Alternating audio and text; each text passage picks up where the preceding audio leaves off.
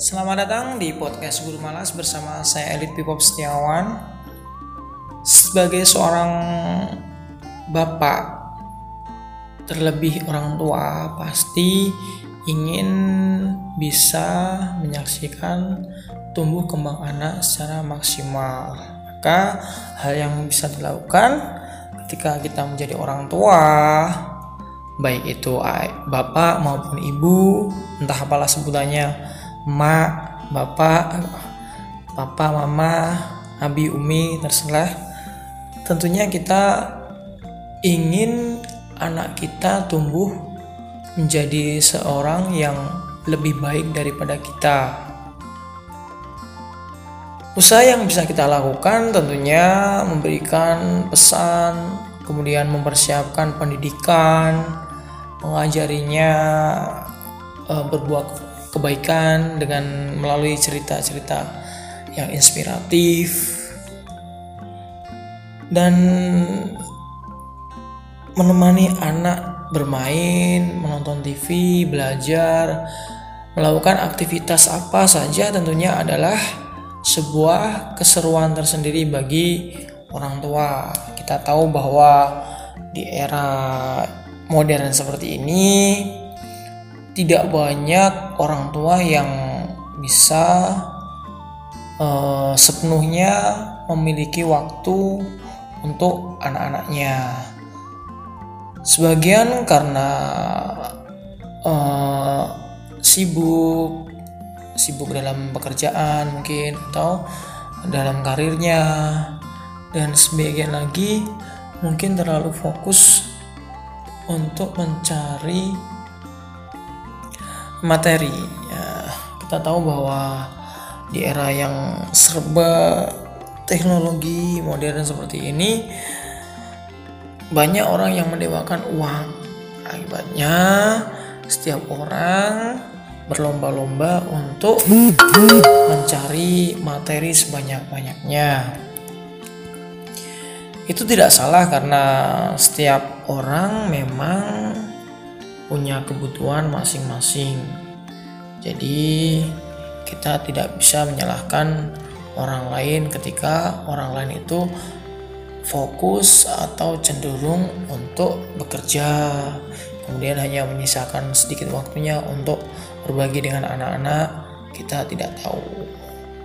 Kalau saya sendiri bersama istri, sebisa mungkin selagi masih ada kesempatan, apalagi dengan pekerjaan saya dan istri yang notabene adalah seorang pengajar tentunya banyak waktu yang bisa digunakan untuk menemani anak-anak uh, dalam melakukan aktivitas keseharian.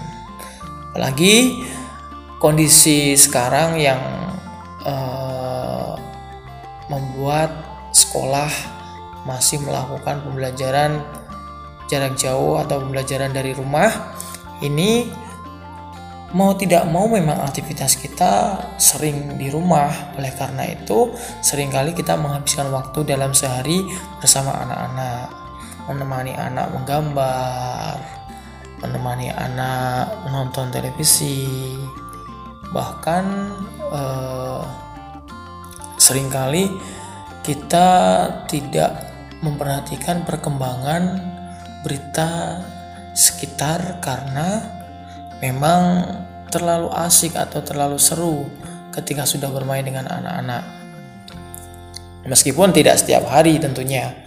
Karena apalagi di era yang serba digital seperti ini, tentunya eh, orang tua khususnya saya sama istri pun sering kali banyak juga menghabiskan waktu untuk Eh, bermain dengan gawai dan ini menyebabkan anak-anak tentunya perhatiannya kurang. Nah, ketika kami menyadari bahwa e, dalam sehari itu perhatian kita ke anak-anak kurang, ketika kita sadar, udah kita mulai tinggalkan gawai, kita peluk erat anak-anak lagi, cerita apa saja yang e, yang dirasa menarik bagi anak-anak meskipun kalau saya sendiri banyak cerita bohong kepada anak-anak. Semata-mata bukan mengajari anak-anak untuk berbohong. Kalau saya uh, lebih untuk mengenalkan anak-anak terhadap misalnya tokoh-tokoh tertentu. Sering kali ketika uh, kebetulan saya memang suka dengan tokoh-tokoh baik tokoh nasional maupun tokoh dunia. Jadi cara saya mengenalkan kepada anak-anak karena masih dalam usia prasekolah, maka ya saya selipkan di aktivitasnya seperti ketika anak-anak sedang makan misalnya makan kerupuk nah saya cerita kepada anak-anak bahwa orang yang pertama kali makan kerupuk di Indonesia ini adalah Soekarno nah dengan begitu anak akan uh, penasaran siapa itu Soekarno itu nah kalau kita menjelaskan kalau Soekarno itu adalah tokoh yang seperti ini seperti ini tentunya tidak bisa dicerna oleh pikiran anak-anak ya kita jelaskan saja bahwa Soekarno itu adalah orang yang pertama kali makan kerupuk di Indonesia. Nah, nanti eh, anak akan terngiang sendiri. Nah, syukur-syukur ketika anak mengenal tokoh Soekarno itu melalui pembelajaran di sekolah, anak lebih akrab lagi. Oh, ternyata dulu orang tua saya mengenalkan uh, tokoh Soekarno melalui kerupuk. Nah, ada lagi misalnya saya lagi ingin mengenalkan tokoh uh, aktivis mahasiswa seperti Suhogi atau Arif Budiman nah, kakaknya nah itu saya selipkan lagi ketika anak-anak makan jajan nah misalnya makan jajan tertentu gitu. Nah orang yang pertama kali makan jajan ini adalah ini namanya ini ya. Kemudian anak anak siapa itu? Orang mana? Nah kita jelaskan saja dia adalah orang uh, yang pertama kali makan jajan ini. Nah gitu. Nah kemudian ketika anak-anak nonton TV kemudian anak-anak melihat uh, sesuatu yang dirasa um, baru untuk mereka seperti ketika anak saya menonton film kartun di sana ada uh, sebuah pegunungan yang diselimuti oleh salju nah kemudian uh, dalam toko kartun itu sedang melakukan aktivitas bermain dengan salju hingga menarik perhatian anak saya dan bertanya, "Bapak, apakah di Indonesia ini ada uh, salju? Kayaknya enak kalau main bisa main salju." Nah, kemudian kita jelaskan lagi, "Oh, salju itu adanya di negara ini, ini, ini, ini." Nah, kita tinggal di Indonesia. Uh, hanya uh, daerah tertentu yang ada saljunya. Itu pun hanya uh, satu daerah di Papua di pegunungan Jaya sana di puncak Karten. Nah itu saja. Kalau misalnya ingin bermain salju kakak atau adik mbak atau mas uh, bisa belajar yang sungguh-sungguh sekolah yang benar ya. Uh, nanti kalau uh, pintar kemudian rasa ingin tahunya berkembang terus terus terus terus nah, nanti bisa belajar ke negara yang memiliki salju musim salju seperti itu.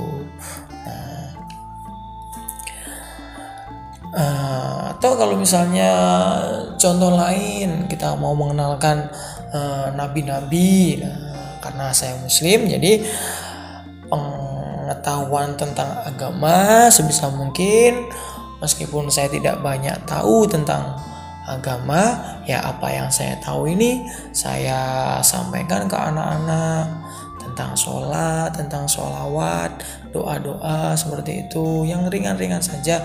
Yang penting eh, anak mau belajar. Jangan sampai anak sama sekali tidak mau mengenal. Karena apa? Karena bisa jadi orang tuanya memang tidak pernah mengenalkan tidak pernah mengenalkan agama tidak pernah mengal, uh, mengenalkan tentang sholat tentang sholawat tentang uh, nabi dan rasul tentang apa saja kewajiban orang beragama apa saja yang tidak bisa dil, uh, dilakukan dalam beragama hal baik dan hal buruk. Nah nanti anak malah tidak sama sekali tidak mengenal. Nah, itu.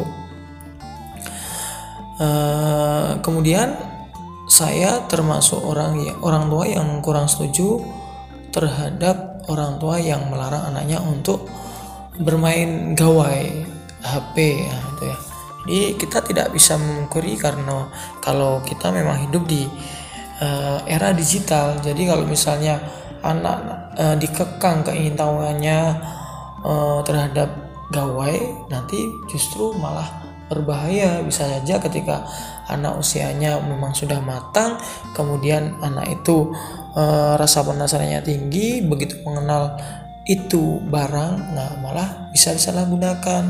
Jadi ya kita uh, bimbing saja kita temani anak-anak uh, ketika bermain gawai kita awasi kita jaga toh anak-anak uh, tidak mungkin dalam usia prasekolah itu mempunyai kemampuan yang lebih lebih uh, lebih besar daripada kita sebagai orang tua.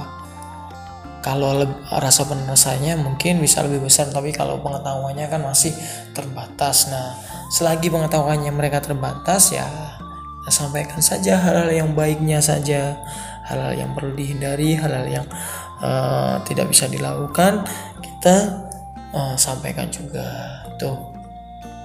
Ya, uh, yang sering kali saya lupa adalah ketika saya menyuruh anak. Nah, ini mungkin tidak hanya saya saja yang mengalami, banyak orang tua yang mengalaminya juga bahwa ketika kita kita sering kali sebagai orang tua eh, kadang berpikir seenaknya saja menyuruh anak eh, untuk mengambilkan ini, mengambilkan itu, eh, perintah anak untuk ini, untuk itu bah, uh, tanpa kita tahu anak itu sedang melakukan aktivitas apa.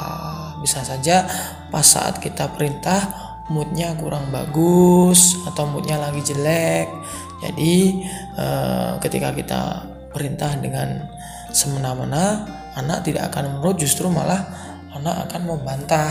Nah, ini jadi bisa uh, perlu kita ketahui bahwa anak itu juga manusia punya rasa bosan punya rasa kecewa juga mungkin jadi kalau misalnya kok setiap kali kita perintah anak selalu nurut anak selalu mau jangan-jangan anak kita itu bukan manusia tapi robot coba tengok belakangnya dilihat ada baterainya atau enggak itu kata beberapa ahli jadi kalau misalnya manusia ya wajar kalau misalnya sekali-kali punya sifat ingin memberontak sekali-kali punya sifat kecewa. Nah, perlu diingat ketika kita misalnya me, me, apa, menyuruh anak untuk sholat. Nah, sebaiknya kita tidak menyuruh, tapi mengajak. Nah, itu yang lebih baik, lebih bagus menurut saya. Meskipun kadang saya juga uh, lebih ke menyuruh.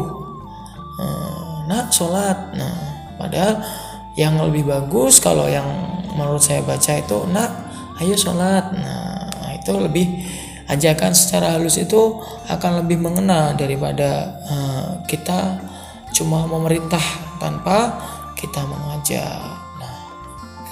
Kemudian uh, intinya anak-anak itu adalah peniru yang ulung.